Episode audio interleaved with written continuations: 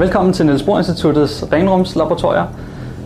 Vi er på vej ind i et af vores renrumsfaciliteter. Herinde der har vi laboratorier, som er specialdesignet til at kunne fremstille øh, elektriske komponenter eller fotoniske komponenter fra halvledere i nanoskala.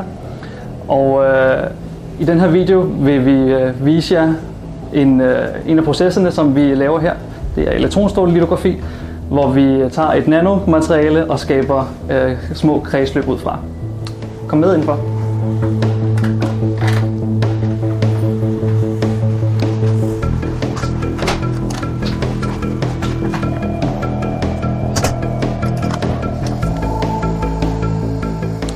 Nu er vi kommet ind i et af vores renumslaboratorier. Herinde der laver vi øh, blandt andet vådkemi til nogle af de processer, som vi øh, skal bruge til at lave de her meget, meget små kredsløb. Luften herinde den bliver skiftet mere end 60 gange i timen for at sikre, at vi har et meget, meget lavt antal partikler. Vi vil helst ikke have nogen partikler overhovedet på vores øh, meget små prøver. I denne video der vil vi tage jer igennem en af de her processer, øh, som vi laver rigtig meget, elektronstrålelitografi, hvor vi skaber øh, hvor vi omdanner nanomaterialer til, øh, til små kredsløb. Øh, undervejs så møder vi forskellige studerende, som arbejder her, og også forskere, som vil fortælle, hvad, øh, hvad de laver i deres projekter. I elektronstrålelitografi, så skal vi overordnet set flytte et, øh, et mønster til vores overflade. Det gør vi ved som udgangspunkt at have en, en helt flad silicium wafer som den her. Oven på den spincoater vi et tyndt lag øh, polymer, det eksponerer vi med en elektronstråle og skriver lokalt i den struktur, vi skal bruge. Vi kan fremkalde den eksponerede del af polymeren ved noget vådkemi og fjerne det. Og til sidst kan vi pådampe et tyndt lag metal på overfladen, som skaber elektrisk kontakt til vores øh, halvleder eller vores nanomateriale.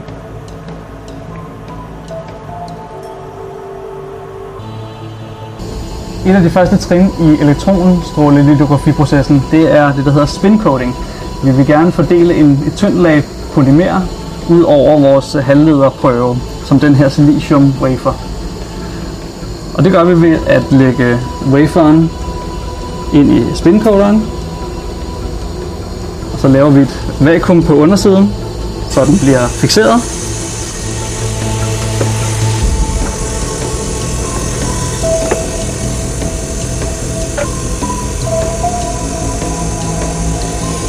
På overfladen så deponerer vi en lille smule af den her polymer.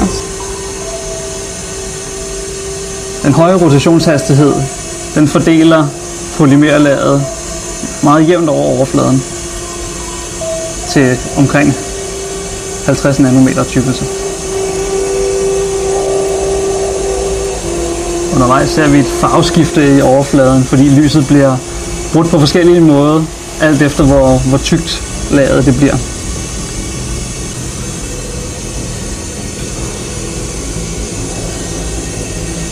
Når rotationen er færdig, så skal, skal den varme behandles. Så vi lægger silicium waferen med den her det tynde lag resist over på en varmeplade. Og på den måde hærder vi polymeren. Udgangspunktet for øh, nanofabrikation det er en halvleder, ofte i kombination med en superleder. Det kan både være i en wafer, som vi Øh, ser inde i renrummet lige om lidt, eller det kan være et nanomateriale. Vi kan fremstille nanomaterialer her på stedet, og det foregår inde i et proceslaboratorium, der ligger om bagved. Her skal vi møde Magnus. Kom.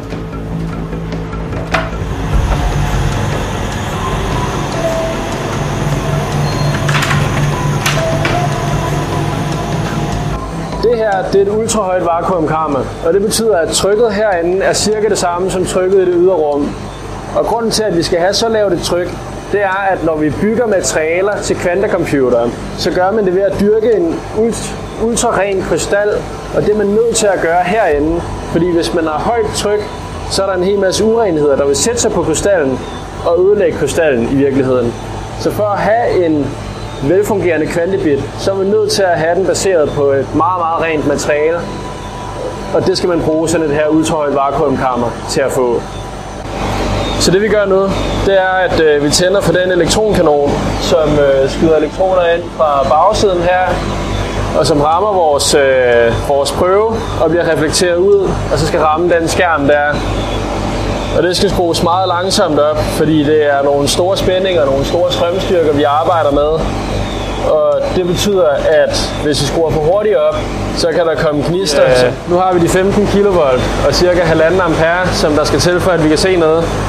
Så nu kan vi prøve at dreje prøven den anden vej, så vi kan reflektere fra overfladen.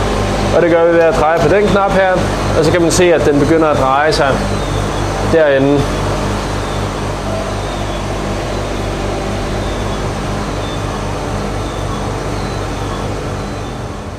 My name is Jer, and I'm a uh, clean room staff in MBI. Now I'm responsible for this lab, Quantec, uh, which has a ALNX F125 tool for exposure. This tool has a super high uh, acceleration voltage, which is 125 uh, volt, uh, that you can show the super high column from here. And it's used to transfer patterns onto resist on the chip. so we can do some folding procedure afterwards. Efter fremkaldelse, så vil vi gerne deponere et tyndt lag af metal på vores prøve for at skabe en ohmisk kontakt eller en superledende kontakt til, øh, til prøven. Til det skal vi bruge et elektronstråle stråle pådamningssystem, og det finder vi inde i, i lokalet her, hvor vi skal møde Oliver.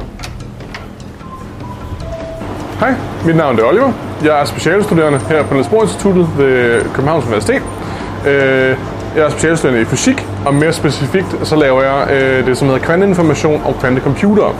Øh, og jeg arbejder med at designe og fabrikere de her mikrochips her, som vi simpelthen bruger til at lave de her kvanteprocessorer med. Øh, så helt specifikt, jeg laver det, der hedder qubits, og jeg laver det, der hedder spin qubits. Og for at lave det, så skal vi altså bruge nogle mikrochips øh, med nogle små, tynde metallag på, som vi kan bruge som det, der hedder gates. Øh, og de her gates her, de bliver lavet ved at bruge den her maskine her, Øh, og det er simpelthen det, der hedder en depositioning maskine. Så altså, den ligger et tyndt lag metal på, det, øh, på den mikrochip, du lægger ind i maskinen. Her der har vi så vores holder, øh, hvor vi kan se vores mikrochip. Vi har placeret på et stykke tape her. Det allerførste, vi gør, det er, at vi smider den ind i maskinen. Og det gør vi således. Og så er vi fået den sidder godt fast. Så tænder vi for vakuum inde i det her ventekammer her. Og ventekammeret her, det er altså her, at vi smider den ind til at starte med. Når det så er kommet ned til vakuum, så kan vi så åbne for den låge, der sidder her. Smide vores øh, holder ind i hovedkammeret. Lukke for lågen igen. Og det er altså ind i hovedkammeret, det hele det sker. Når den så er ind i hovedkammeret, så kan vi så vælge det metal, vi gerne vil have til at øh, hvad hedder det, ligge på mikrochippen her. Så går vi over, så tænder vi for strømkilden, og den her strømkilde, det er altså den, som styrer den her elektronstråle. Og elektronstrålen, det er den, som kommer til at varme metallet op, og varme metallet nok op til, at det fordamper, og øh, når det fordamper nok, så det ligesom kan bevæge sig op igennem vakuumet, og komme op og ligge sig på vores mikrochip. Når vi så har gjort det, så kan vi så se herover, øh, hvor tyk det her lag af metal på vores mikrochip det er. Når vi så får den tykkelse, vi gerne vil have, så slukker vi for strømkilden, lukker for den her øh, låge, der ligesom øh, gør, at øh, det fordampede metal kan komme op og nå til mikrochippen. Slukker for strømkilden, lukker det hele ned igen og kører det modsatte proces. Så vi tager den ud af hovedkammeret, ind i, ind i ventekammeret, lukker for lågen det hele, slukker for vakuumet, og så har vi altså, så har vi altså brugt øh, den maskine her til at lægge et eller andet lag metal på, om det så er palladium, platin eller guld, øh, det kan du selv vælge.